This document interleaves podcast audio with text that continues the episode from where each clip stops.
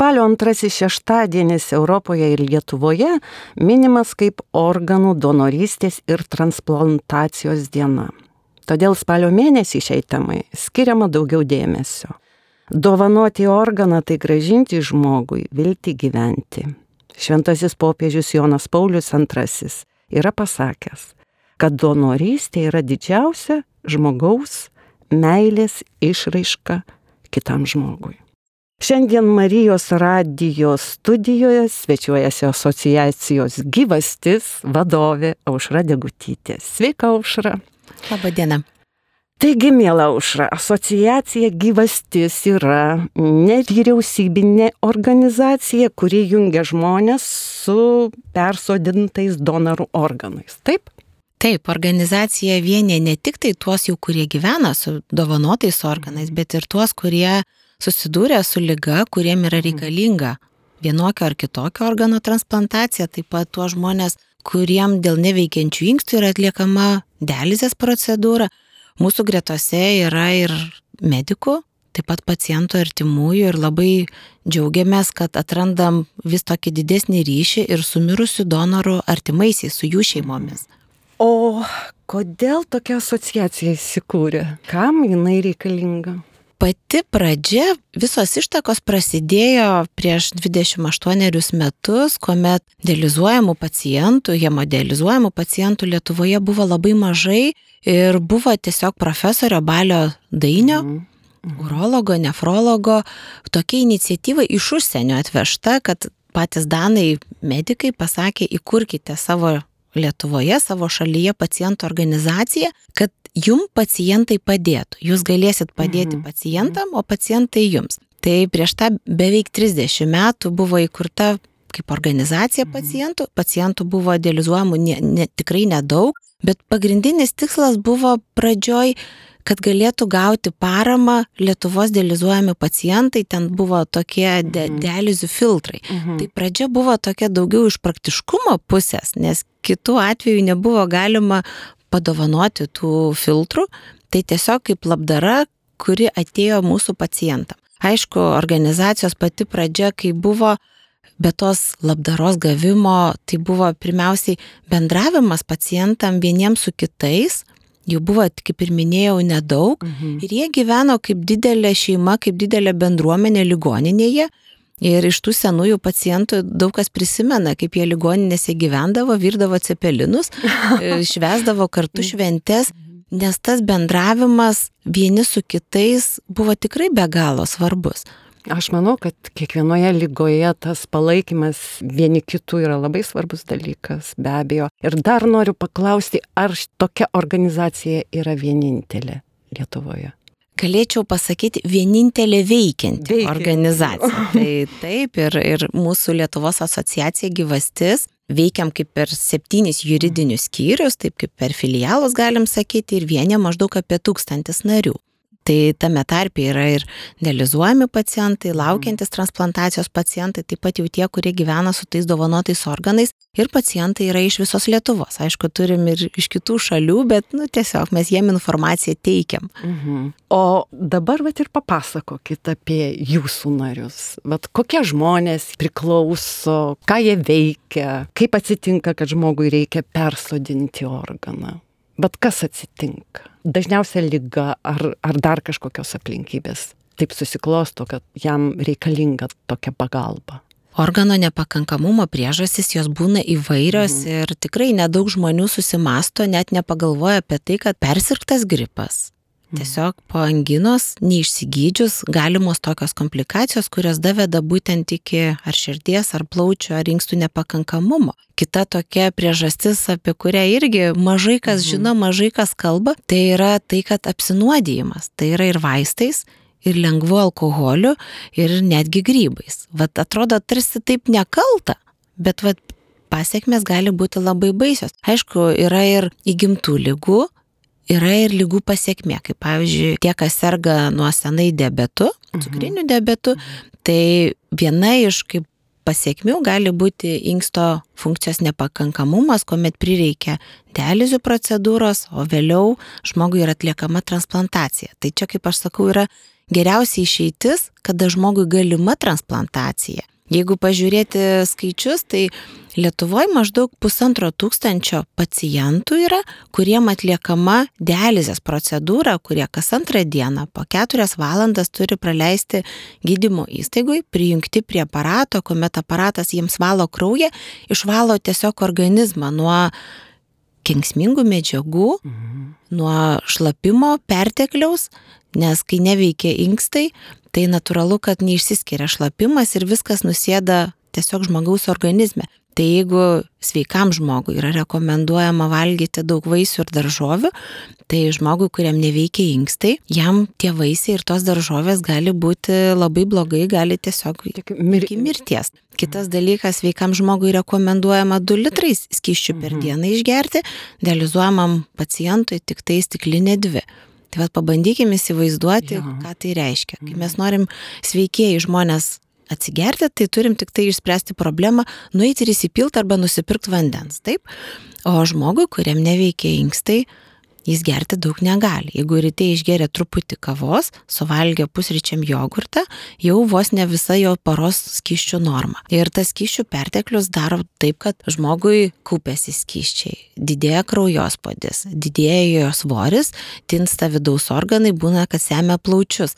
Tai čia aš taip kalbu gal baisiai, bet tokio žmogaus tiesiog yra kasdienybė. Ir tą dieną, kada jam yra atliekama dializė, jiem nufiltruoja tą skyščių perteklių, palieka jau sausą svorį ir žmogus dažnai palygina savo būseną, sako, jaučiuosi kaip iš skalbimo mašinos ištrauktas. Tiesiog jis neturi jėgų, jam reikia eiti pailsėti, jam reikia tiesiog atgauti jėgas. Tai vieną dieną jis turi laisvą, sekančią dieną jis vėl važiuoja į procedūras. Ir nesvarbu, ar tai yra šventės, ar, ar tu nori kažkur išvykti, tu tiesiog privalai važiuoti tas procedūras, nes jos yra gyvybiškai būtinos, žmogus tiesiog be jų neišgyventų. Vienu žodžiu, tai yra to žmogaus kasdienybė. Taip. Taip, tai yra kasdienybė iki tol, kol žmogus, vat kaip ir minėjau, geriausiai išeiti, kada jam yra atliekama inksto transplantacija. Ir kiek jisai gali išgyventi va tokioje būsenoje, tokioje nuolatinėje valymo procedūrų būsenoje? Yra dalis pacientų, kuriem dėl vienokio ar kitokio sveikatos problemų mhm. negalima transplantacija. Tai reiškia, jie gyvens tol, kol organizmas bus pajėgus mhm. priimti ir mhm. toleruoti tą procedūrą, tą visą gyvenimo būdą.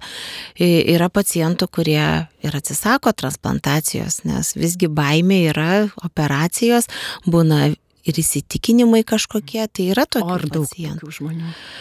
Nėra daug, bet mes kai bendravom su, su dializuojamais pacientais ir kai klausiam, dėl ko vat, atsiranda ta baimė, ko labiausiai bijo, tai taip, likimo draugų patirtis tą tokią baimę duoda žmonėms. O ta baimė labiau yra vyresnės grupės žmonėms būdinga ar jaunesnės grupės žmonėms? Netgi negalėčiau, kad pasakyti, ar vyresniem, mhm. ar jaunesniem. Ir vieni ir kiti turi tų baimių. Jaunesniem galbūt yra lengviau prisitaikyti. Prie dializės jie mhm. sugeba kai kurie dirbti ar, ar studijuoti, tai jie dializės metu kažkas miega, o kažkas tiesiog skaito, studijuoja, jie tą laiką išnaudoja kitaip. Ir kaip pasako, mes taip pripratom. Taip mhm. yra, tarsi gerai, bet jie nežino, kaip gali būti jo. dar geriau nes jie tiesiog neturėjo tos tokios būsenos. Yra tokių žmonių, kurie po transplantacijos dažnai pasako, va dabar man išsiskleidė gyvenimui sparnai, va dabar jaučiu, kad noriu eiti, noriu daryti, nes sako, anksčiau tai būdavo tiesiog egzistuoji. Taip. Diena po dienos tu vyksti į dializę, atrodo net ir toks paprastas pavyzdys, kaip mūsų bendruomenės nariai mėgsta pasakyti, mhm. sako, aš ateinu į priekybos centrą, atsistoju, kur yra tie didžiuliai buteliai tiesiog paprasto vandens ir sako, bandau įsivaizduoti, kai man persodins inkstą, aš tiesiog prisipilsiu vonę vandens ir tą vandenį gersiu, gersiu, gersiu. Tai atrodo tokie žemiški dalykai, bet žmogui labai pakeičia tą gyvenimo kokybę. Aš manau, nes tau tampa nepasiekiami tie dalykai, kurie mums yra kasdienybė ir mums net sunku suvokti, kurie Taip. susidurėm visai su kitais gyvenimo iššūkiais, kad gali būti toks dalykas ir toks variantas, kada žmogus svajoja apie vandenį. Taip, atrodo visiška smulkmena. Smulkmena atrodo taip lengvai mums pasiekiama, ar ne? Taip. Taip atrodo tik paėmė, įsipyliai, atsukė į kraną, pasisėmė iš šulinio, vienu žodžiu, begalės variantų. Bet pacientam gyvenimo kokybė kardinaliai pasikeičia po transplantacijos. Taip, jie turi saugotis, jie turi vartoti vaistus visą tą organo gyvavimo laikotarpį. Bet tai yra tokia smulkmena palyginus su tuo laikotarpiu, kuomet jie gyveno laukimu, viltimi, tiesiog egzistavimo tą tokią būseną. Aišku, be dializės žmonės jie tiesiog nebūtų išgyvenę. Taip ir, o kas gali būti donoru? Ar tik miręs žmogus gali būti, ar gali gyvas žmogus, nors aišku yra, kad vis tik galima, kadangi turim tuos du inkstus, vis tik atiduoti, bet kaip čia yra dalykai, kaip klostosi. Lietuvoje yra ga galimos kaip dvi donorystės mhm. rūšis, tai vad kaip ir jūs minėjot, mhm. turim du inkstus, galim vieną padovanoti, mhm. tai vadinasi gyvoji donorystė, kada vieną inkstą arba dalį savo kepenų mhm galima padovanoti giminystės ryšiai susijusiam žmogui. Tai taip mhm. kalbant paprastai, mama vaikui vaikas, mama, Mamai. mama tėtis, mhm. va, tėtos, dėdės, sesuo, nu, va, mhm. šitaip. Mhm. Arba, kaip, jeigu kalbam apie dalį kepenų, tai dažniausiai būna tėvai savo mažam vaikui. Nes... O vyras žmonai arba atvirkščiai. Irgi gali. Irgi gali, irgi gali ir mhm. kaip žinia, dažniausiai žmonos vyram labiau dovanoja negu vyrai žmonom. Ne, ar ne? irgi dovanoja, no, bet tie tokie dovanojimo atvejai mhm. retesni yra. O kodėl? Vat kaip jums atrodo, kaip jūs vertintumėte? Aš galvoju, kad moteris tiesiog yra empatiškesnis, mm. jom yra nesvetimas tas žmogaus skausmas, jos labiau įsijaučia į tą situaciją. Vat visgi ta empatija, tas Ypatingai, noras jeigu globoti. Moteris, taip, ar ne? Nes taip. jinai jau, jau suvokia, kas tai yra tas skausmas, ta kančia. Taip, ir iš tiesų yra. Ir tai yra svarbu, kada tas vaikutis ateina į pasaulį. Taip, kai mama dovanoja inkstą ar dalį savo kepenų vaikui, tai ji net neprilygina kažkokiam mhm. žygdarbiui, ypatingam sprendimui, sako, tai taip natūralu, tai tiesiog savaime aišku, bet kitas dalykas, tas savaime aišku, taip mamai taip atrodo.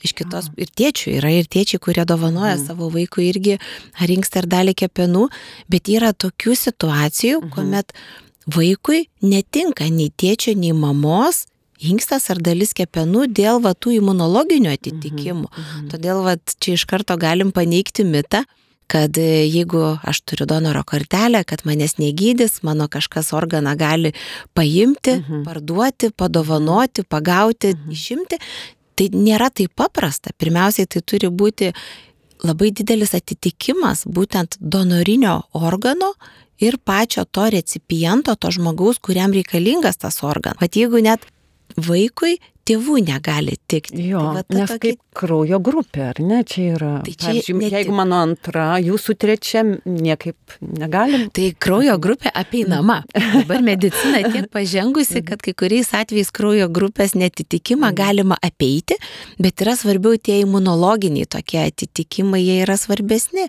O kita donorystės rušis tai yra būtent po mirties, mhm. kada būna nustatoma smegenų mirtis. Tai čia yra pagrindinis faktorius, kuomet yra kalbama po to apie organų donorystę, nes daug kas maišo komą ir smegenų mirtį. Po komo žmogus jisai gali pabusti, atsikelti ir gyventi. Taip. Galbūt ne visai taip pat, mhm. kaip buvo, bet jis gali gyventi. O nustačius smegenų mirtį tai yra tiesiog baigtinis procesas, tai yra kaip mirties fakto konstatavimas ir kuomet jau sustoja kraujotaka, jau nepatenka į smegenis, tik tuomet reanimatologai pradeda pokalbį su donoro artimaisiais mhm. ir būtent jų sprendimas yra visa lemiantis. Bet juk yra labai nelengva priimti tokį sprendimą. Jeigu, sakykime, aš nežinau, kaip mano miręs artimas žmogus reaguotų į tai ar aš galiu priimti už jį sprendimą? Va čia, man atrodo, didžiausias yra klausimas. Kaip jūs susidurėte su tomis problemomis ir kaip bandot jas įspręsti?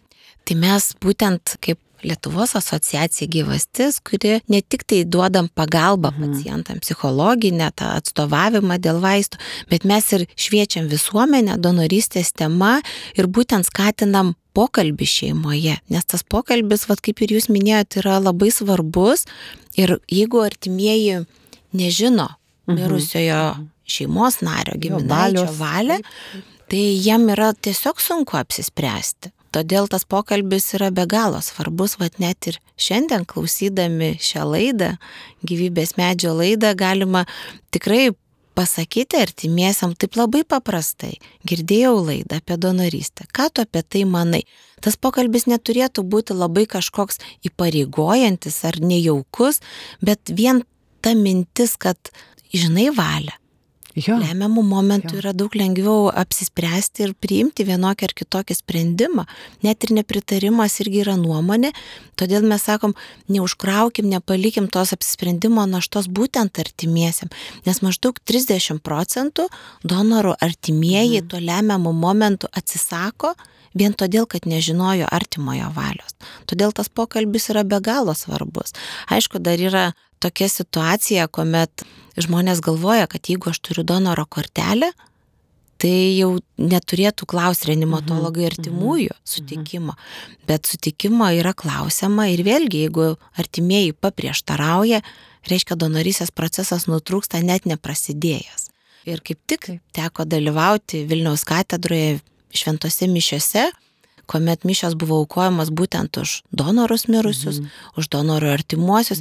Ir labai kuningas gražiai išsireiškė, mes turime teisę į savo kūną, mes turime teisę priimti vienokius ar kitokius sprendimus, bet mes jokiais būdais neturime teisės priimti sprendimą už mirusio savo artimą žmogų, kuris turėjo donoro kortelę, todėl mes negalim kaip savintis jo kūno, Nes tai man nepatinka, arba aš tam nepritariu. taip, arba aš nežinau, ką daryti. Taip, taip. Tai man šitos mintis tiesiog la- labai giliai palėtė, nes taip mes galim, kai aš sakau, ir suprasti donoro artimuosius. Čia žinia apie netekti.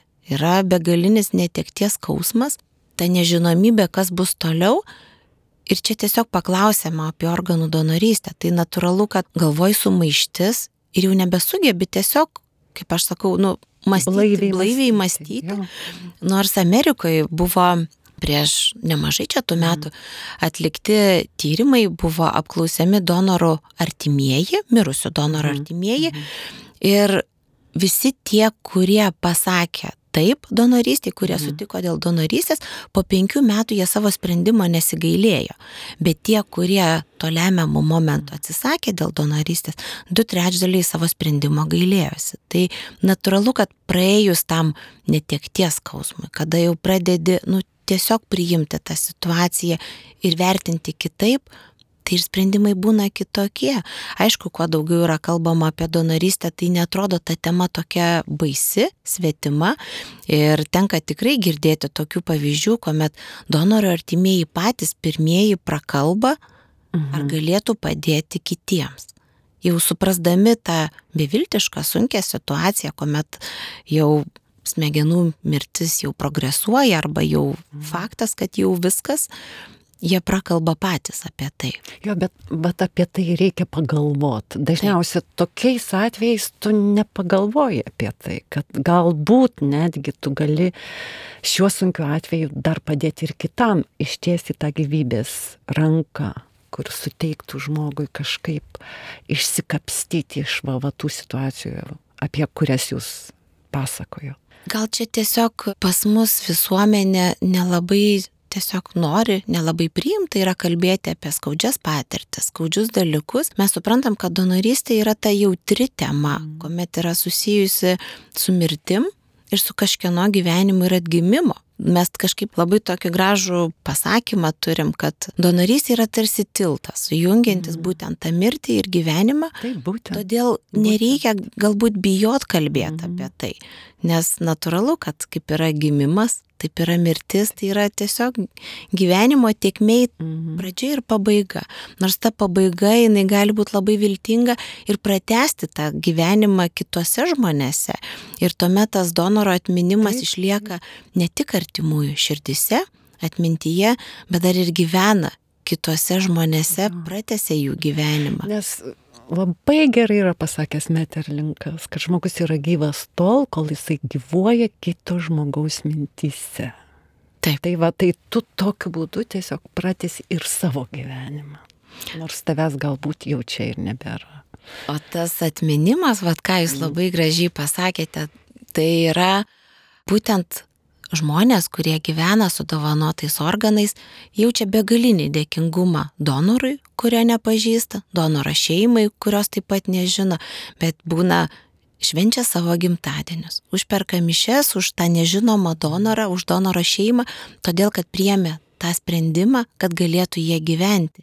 Ir Lietuvos asociacija gyvastis, kadangi mes negalim tiesiogiai padėkoti nei mhm. donoram mirusiem, nei jų artimiesiam, mhm. todėl siekdami tą tokį paskleisti atminimą, mhm. pagarbą, organizuojame penktadienį, kaip tik buvo e, visoje Lietuvoje, mhm. net 39 aikštėse buvo uždegtos žvakutės būtent donoro atminimui, pagarbai ir tuo pačiu kaip padėko ženklas donoro šeimom. Ir Vilniui buvo uždegta 1956 žvakelės, tai yra kiekvienam organų donorui atminti, mhm. tiek jų buvo per 52 metus visą donorysės ir transplantacijos laikotarpį Lietuvoje. Jo, ir aš manau, kaip pakeitė va tų žmonių gyvenimą. Iš tiesų, tai, va kaip jūs pasakojot, va jų gyvenimą, vis tiek ta gyvenimo kokybė tikrai labai pasikeičia žmogus galų gale pradeda jaustis gyvu. Taip. Ir man pačiai, kaip mamai, tai turbūt patys gražiausi donorystės prasmės pavyzdžiai, kuomet mama painksto transplantaciją susilaukė mažylių. Vyrui, kuriam persodinta širdis šeimoje mhm. irgi gimsta vaikai. Tai tas gyvenimas tada gaunasi, kad vieno donoro netekę mes padovanojam, išsaugojam gyvybę. Ir ne tik, bet tasa. Ir ta tasa, tasa tęsiasi. Jo, jo. Tai tie tokie gyvybės testinumas, tai mm. man, kaip aš sakau, yra mm. didžiausias turbūt gyvenime stebuklas. Jeigu mes žmogaus gimimą prilyginam stebuklui, tai man kartais kyla klausimas, o kaip pavadinti tą procesą, tą momentą, kada žmogui yra dar suteikiamas vienas gyvenimo stebuklo šansas, kada jam yra atliekama transplantacija. Mhm. Ar pirmą kartą, ar antrą kartą yra pacientų, kuriem jau keturis kartus buvo persodintas donoro inkstas. Ir tas mhm. žmogus tiesiog gyvena. Yra tokių pacientų, kurie su dovanotų inkstų gyvena daugiau negu 30 metų. Ir kai kam tai yra didžioji jų gyvenimo dalis.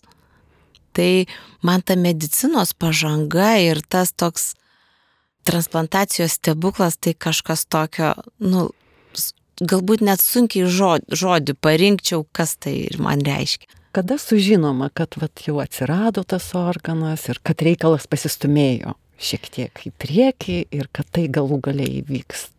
Tas kad reikalas ilgai, pasistumėjo jo. į priekį, tai jo. žmogus gauna skambutį mhm. iš mediko, iš koordinatorių ir ta žinutė būna tokia telefonu labai trumpa. Mhm Labą dieną, skambinam iš ten, atvykite, atsirado jums tinkamas donorinis mhm. organas. Tas atvykite, tai dažniausiai būna naktis, savaitgalis, bet daugiau toks mhm. momentas. Ir įsivaizduokit, ką reiškia žmogui, pabudus iš miegų, gyvenančiam Klaipėdai, naktį važiuoti į Vilnių. Mhm. Jie dažnai pasako, neprisimenu, kaip atsidūriau ligoninėje, tiesiog neprisimena, mhm. nes viskas būna taip, kaip pagreitintam filme. Visi tarsi laukia tos vilties, tos skambučio, bet tas skambutis, iškvietimas, jis tiesiog išmuša žmogų, tiesiog iš vėžių, išmuša vat, iš, iš kojų ir žmogus išlekia. Sukelia šoką. Visiškai. Taip. Visiškai. Ir būna taip, kad iš pacientų, vat, ką tenka girdėti, ir meldžiasi ir bando įsivaizduoti, ką tuo metu išgyvena būtent donoro šeima, nes dažniausiai jau ruošiamas yra mhm. laidotuvėm. Tai tas toks būna dviprasmiškos tos tokios mintis. Iš vienos pusės tarsi gyvena viltim ir jau, kad jų gyvenimas mhm. pasikeis, bet tuo pačiu jie suvokia, kokia tai auka iš kitos pusės yra. Ir tas būna taip, kad nuvykus čia dar atrankai, čia dar nereiškia, kad jau bus persodintas inkstas. Atsiradus donoro dviem inkstam yra kviečiami šeši pacientai, kuriems labiausiai tinka. Tuomet daroma maždaug 12 valandų trunkantis tyrimai. Žmogus nevalgęs, negeręs, nes visi galimai ruošiasi galimai transplantacijai. Tai jau reiškia dar kelionės laikotarpis, dar 12 valandų trunkantis tyrimai ir tik dviem iš jų yra atliekama transplantacija tiem, kur labiausiai labiausiai tinka, kur nėra kažkokių šalutinių, gretutinių lygų, kaip pavyzdžiui, nesutvarkytas dantis ar kažkokia žaizdelė skrandyje ar ant odos, nes tie dalykai tiesiog gali būti taip, kad galėtų pasibaigti mirtim. Mm. Todėl laimingieji laukia transplantacijos, o keturi dėja turi važiuoti namo. Ir tų iškvietimų būna kai kuriem, kaip aš nežinau, čia ar galim vadinti pasiseka, būna kviečiami per mėnesį ir du ir tris mhm. kartus. Ir iš viso kiti jau būna, kad skaičiuoja, jau aštuntą kartą, sako, važiuoju, per kokį pusmetį. Kažkas būna taip, kad dešimt metų važiuoja ir vis netinka, ir vis nėra to atitikimo. Todėl, kaip mes sakom, tas visuomenės pritarimas donorystiai yra mhm. labai svarbus, nes neskaitant to, kad mūsų medikai daro begalinį didelį darbą atlikdami tas transplantacijas, suteikdami žmogui sveikatą, temdami jį tiesiog į gyvenimą už rankos, bet labai viskas priklauso nuo visuomenės pritarimo. Jeigu mhm. visuomenė pritars donorystėje, tai reiškia, šie žmonės turės šansą sulaukti transplantacijos. Yra taip, kad tas laukiančiųjų sąrašas jisai tikrai labai keičiasi. Vieniem pasiseka sulaukia mhm. transplantacijos, atsiranda aišku naujų pacientų, bet yra ir tokių, kurie mhm. tiesiog nebesulaukia transplantacijos. O kokia transplantacija yra pati sudėtingiausia? Daug kas klausia to klausimo, bet čia net būtų taip sunku įvardinti. Mes ir medikų paklausėm to klausimo. Tai jie labai pasako iš techninės pusės, Techniškai mhm. širdį lengva įsodinti. Vat jie vat iš tos pusės mhm. kalba. Inksta taip pat. Plaučių transplantacijos jis ypatingai būna retos, mhm. bet turbūt iš tų sudėtingesnių operacijų, kiek esam girdėję, tai yra kepenis, nes dėl to tokio neprognozuojamo kraujavimo techniškai vat jos yra tarsi sudėtingiau. Mhm. Aš kaip tik vat nesenai bandžiau su kolego mūsų asociacijos gyvasties nariais tiesiog kalbėti, Sakau, ar jūs bandot įsivaizduoti, ką jaučia medikai, ką jie išgyvena, kuomet širdis išimama iš vieno kūno, įdedama į kitą kūną, kuomet jau žmogus, vat, jau laukiančio transplantacijos kūną, pupt ir jį pradeda tuksėti. Tuk, tuk. Aš atrodo, pati jo. pasakoju, man tai širpas ima tiesiog virpulys. Jo, tarsi prikeli žmogų iš numirus. Labai. Ir toks, o va, apsiverksiu dabar pati. Man taip atrodo, nu be galo toks jautrus tas dalykas. Ir prieš keletą metų Amerikos yra rodę per žinias, Amerikoje yra mhm. ta tokia kitokia truputį tvarka, kuomet donoro artimieji mhm. gali susitikti, bendrauti su žmogum, su jo artimaisiais, kuriem yra persodinami organai. Ir teko matyti žinių reportažą, kuomet vaikui maždaug pusantrų metukų buvo persodinta irgi metukų laiko donoro širdutė ir donoro artimieji su tuo tokiu stretoskopu, turbūt vadinamas, mhm. klausė tą tūkstančią širdelę. Tai man žiūrint tą reportažą, nu taip atrodo be galo jautru, mhm. bet taip prasminga tuo pačiu, tu gali išgirsti savo, o, oh, verkiu, savo mirusio vaiko mm. tiesiog širdutės tą plakimą, tą gyvenimo testinumą. Aišku, Lietuvoje yra konfidencialu, mm. kam kieno organai yra persodinti. Informuojama yra tik tai tiek, kad kokio amžiaus tai buvo žmogus ir, ir tiesiog vyras ar moteris. Mm. Ir tos informacijos tiek tik tai yra. Na, čia vienas Dievas tai žino. Aš tikrai, aš pavyzdžiui, asmeniškai tikrai negalėčiau spręsti, kas yra geriau, ar taip yra geriau, ar taip yra geriau. Aš manau, kad tai priklauso nuo mūsų. Man, pavyzdžiui, galbūt patiktų labiau, kitam galbūt ne. Čia, čia labai slidus dalykas, toks labai sunkiai net suvokiamas dalykas. Taip, mes kartais su kolegom, kai padiskutuojam, tiesiog pamodeliuojam tas mm, įvairias mm. situacijas kiek tenka skaityti mhm. ar straipsnėse, ar komentaruose, tiesiog sužinant visuomenės nuomonę, daug kas pasako, aš sutikčiau paaukoti vaikui. Mhm. Vat tokiam mhm. ir tokiam žmogui. Tai reiškia kažkokius lūkesčius dedam į tai, kam galėtų būti suteikiama šansas gyventi. Bet natūralu, kad tas vaikas turi mamą tėti. O kaip tuomet, jeigu jauna moteris augina mažą vaiką, Jo. tai ar jinai yra verta mažiau gyventi? Arba moteris, kuri augina savo anūkus, ar jie mažiau nori gyventi? Tai tas, tie tokie lūkesčių uždėjimai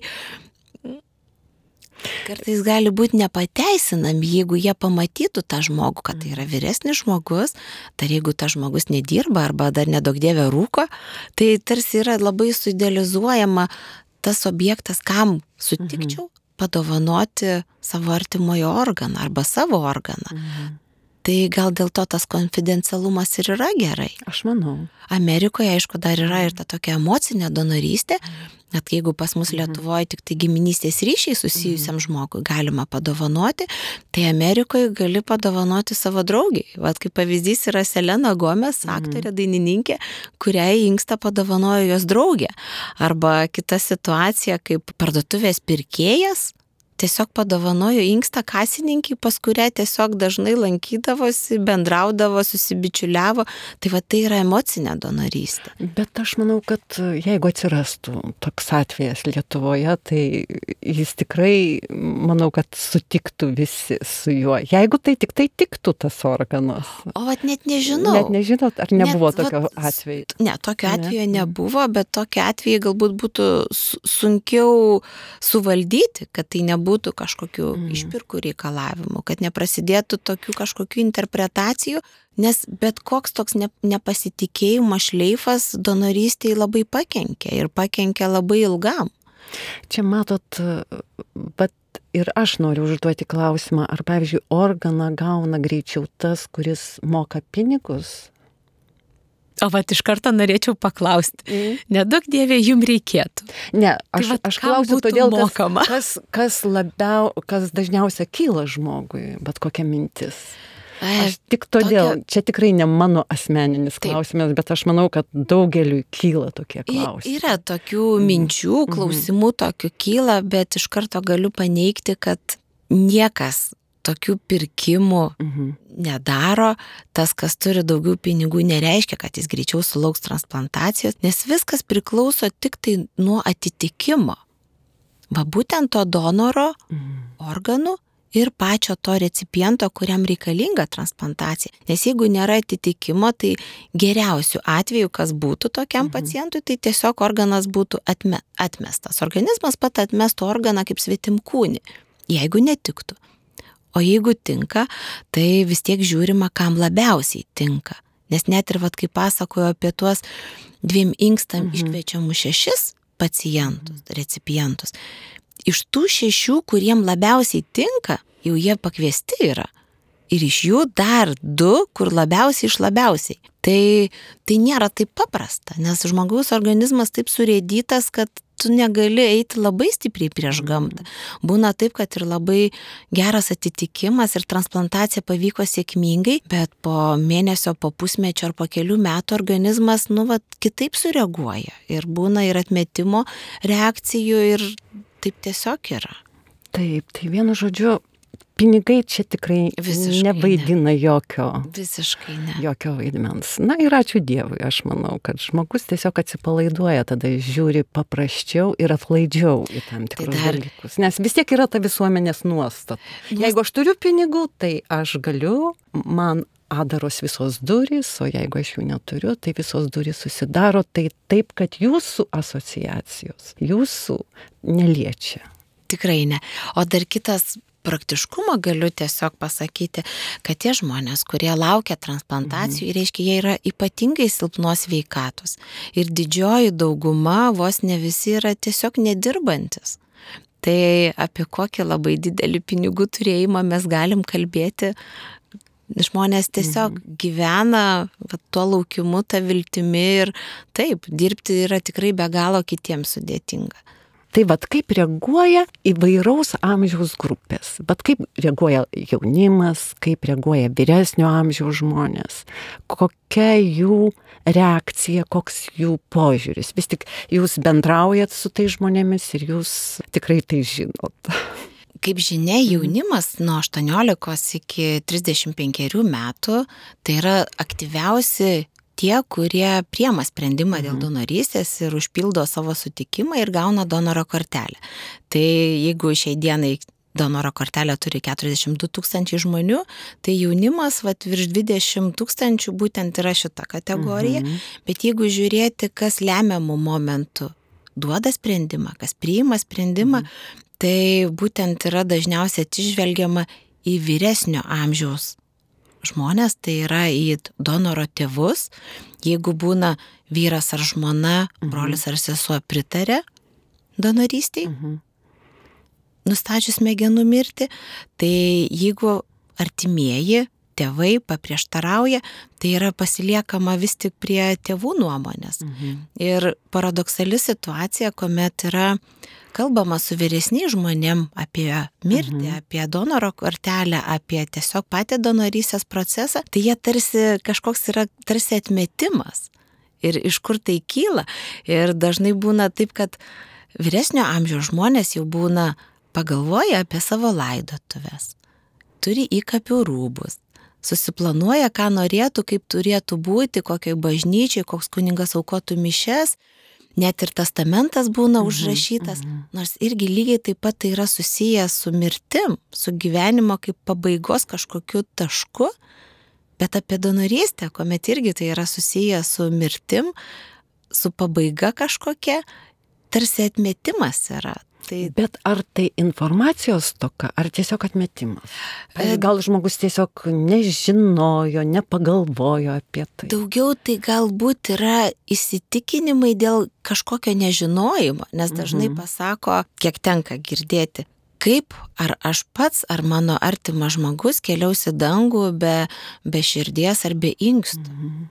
Mes visi mhm. radijos stoties klausytojai suprantam, kad ne kūnas eina į dangų, eina siela, o ten tų tokių kaip organų jau nereikia. Kitas... Reikia čia, šioje žemėje, taip, o taip. ten, kur mes pateksim po mirties, jau tai nebereikalinga. Taip. Dar kitas dalykas, kitiem reikia tarsi kunigo patvirtinimo, ką apie tai pasakys kunigėlis. Tai būna taip, kad susisiekia su savo mm -hmm. kunigu, su mm -hmm. kuriuo tiesiog bendraujama yra arba nueinama tiesiog į ligoninės mm -hmm. bažnytėlę mm -hmm. ir mhm. paklausiama to tokio pastiprinimo. Mm -hmm. Tai kunigai turi vis tik labai didelę tą tokią reikšmę ir įtaką žmonių apsisprendimui.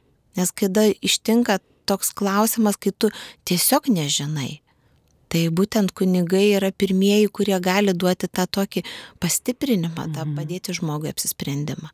Labai dėkoju Jums už pokalbį, jis buvo be galo man pačiai įdomus ir linkiu Jums toliau gyvuoti, toliau skleisti šią žinią, kuri, aš manau, daugelis net ir nesusimasto dažnai apie tai, apie ką Jūs kalbėjot ir ką tai reiškia. Kartais tas tavo poelgis, kad tai prikelia kitą žmogų naujam gyvenimui, naujai gyvenimo kokybei. Dėkoju Jums užrelę. Ir aš su Jumis atsisveikinu, mėly radio klausytojai, ir šioje gyvybės medžio laidoje kalbėjomės apie organų transplantaciją.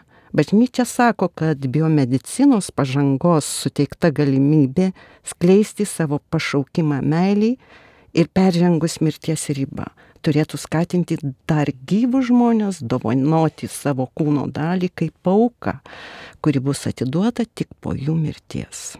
Tai didelės meilės išraiška meilės, kurios esmė - padovanoti gyvybę kitiems. Dėkoju ir prie mikrofono buvau aš aušra keliuotytė ir atsisveikinu su jumis ir linkiu viso ko geriausio. Sudiev.